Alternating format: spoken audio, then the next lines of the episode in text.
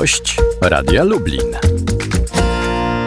Na zegarze dokładnie 15 minut po godzinie 8 Tomasz nie śpiał przed mikrofonem, a gościem Radia Lublin jest wiceminister aktywów państwowych Artur Saboń, Prawa i Sprawiedliwość. Dzień, Dzień dobry. Dzień dobry. Dzisiaj do Ministerstwa Rodziny, Pracy i Polityki Społecznej ma trafić wniosek o podjęcie formalnych prac nad wypowiedzeniem tzw. Tak konwencji stambulskiej. Zapowiedział to minister sprawiedliwości Zbigniew Ziobro, ale stanowiska w tej rządu w tej sprawie nie ma. Będzie?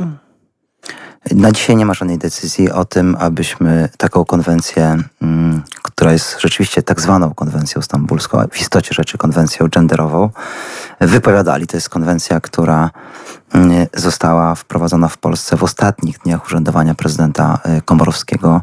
Wówczas prezydent elekt y, Andrzej Duda apelował, żeby prezydent y, Komorowski nie podejmował tej kontrowersyjnej decyzji, decyzji, której nie podjęło zresztą wiele państw Unii Europejskiej. To nie jest tak, że ta konwencja przyjęta przez Radę Europy jest konwencją, co do której mm, nie ma wątpliwości, czy też te wątpliwości są tylko w Polsce.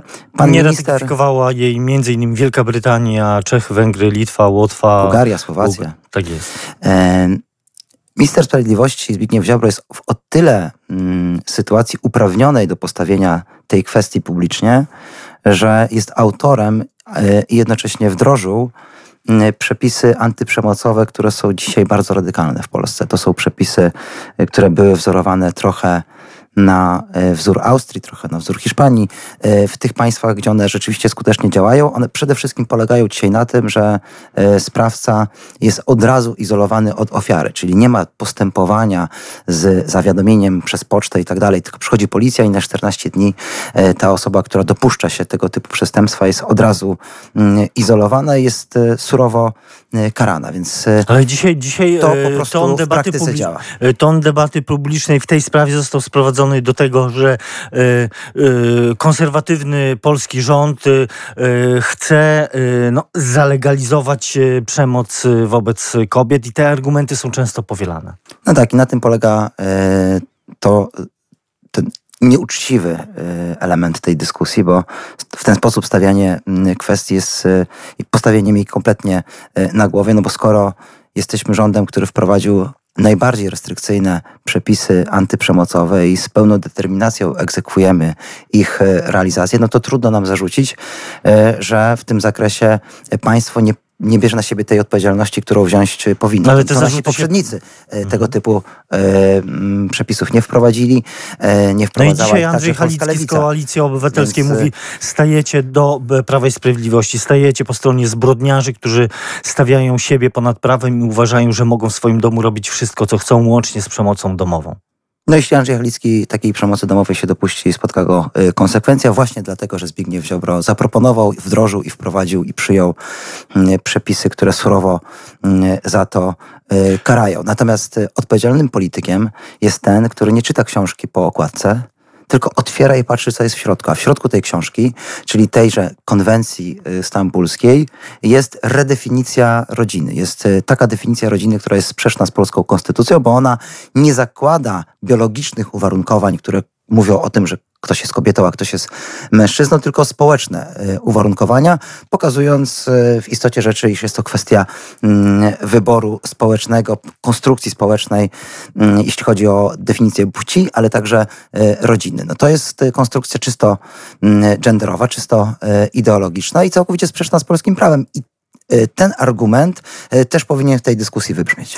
Ale, ale mm, po co wypowiadać e, coś, co po pierwsze funkcjonowało, po drugie no jest jakimś umiędzynarodowieniem i, i takim międzynarodowym usankcjonowaniem także tej ochrony, jakimś takim zbiorem zasad, który jednak po pierwsze Polska zdecydowała się przestrzegać, a z drugiej strony jest takim uniwersalnym, czy, czy na pewno na jakąś szerszą skalę dokumentem międzynarodowym.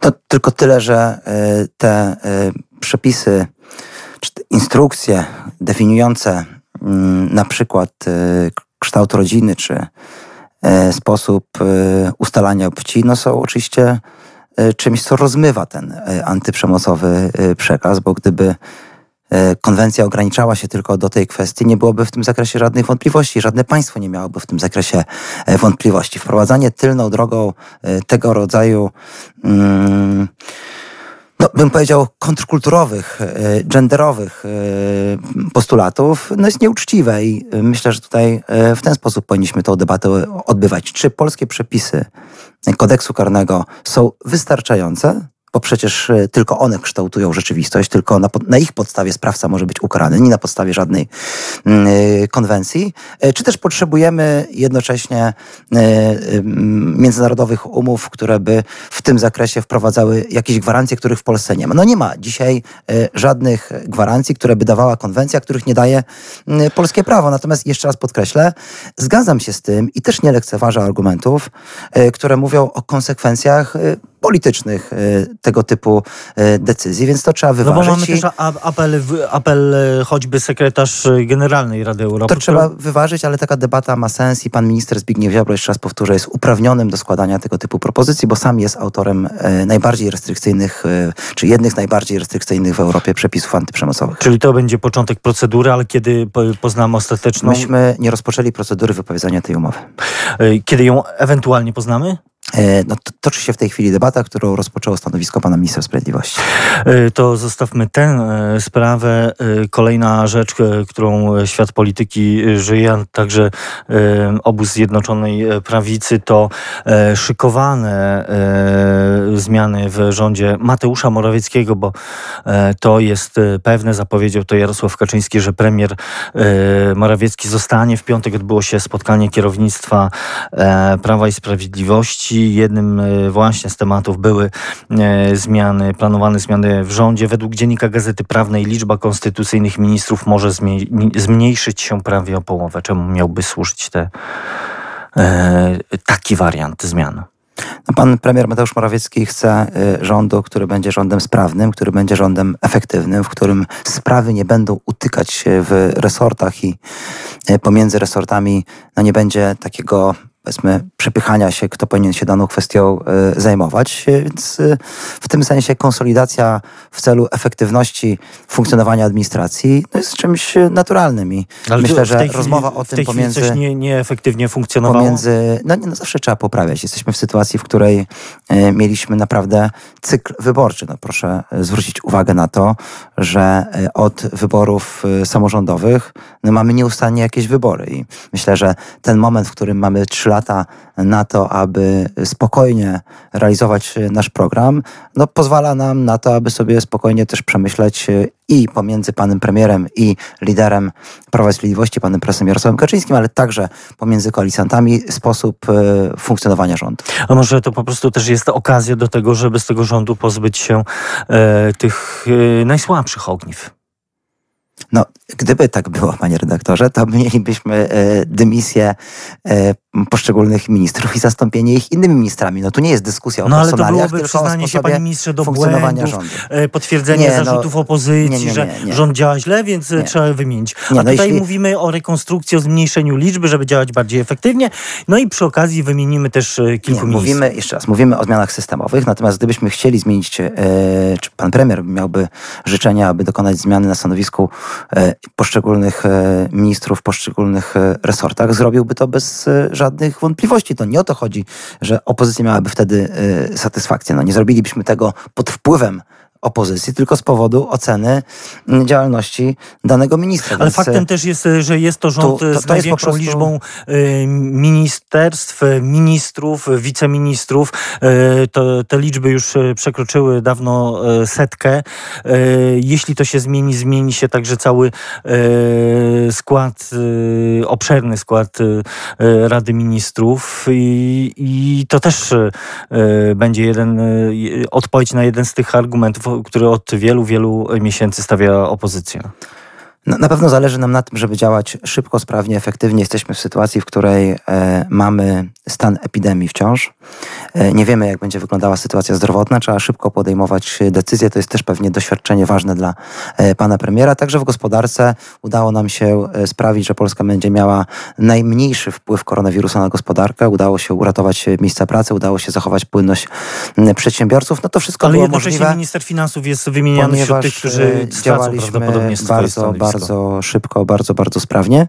E, No, i, I o ile mówimy o ministrze finansów, to mówimy o jego aspiracjach międzynarodowych, więc też trzeba uczciwie powiedzieć, że e, pan, pan minister ma swoje aspiracje mm, europejskie. Na- Natomiast zobaczymy, jak będzie. No, to są wszystko kwestie, które będą wypracowywane w gronie po pierwsze pana premiera i pana prezesa Jarosława Kaczyńskiego, po drugie koalicjantów. A kto będzie tymi koalicjantami? To jeszcze na koniec zapytam, bo Dziennik Gazeta Prawna podaje także, że większość Polaków jest, za, jest przeciw poszerzaniu koalicji e, rządowej, ale jeśli by taki nowy koalicjant dla Prawa i Sprawiedliwości się pojawił, to byłoby nim PSL Kukiz 15. Ja Zwrócę uwagę na prostą y, arytmetykę. Ona ma jednak znaczenie w y, konstruowaniu większości y, parlamentarnej, że y, dzisiaj Zjednoczona Prawica posiada w y, Sejmie mm, większość, więc nie musimy dzisiaj Ale zastanawiać się nad Senat. tym, y, aby koalicję y, poszerzać. Y, Natomiast no, w Senacie mamy sytuację, jaką mamy. Zobaczymy, czy uda się ją zmienić. I mówi to Artur Soboń, wiceminister aktywów państwowych Prawa i Sprawiedliwości. Bardzo dziękuję. Bardzo dziękuję. Tomasz nie śpiał do usłyszenia.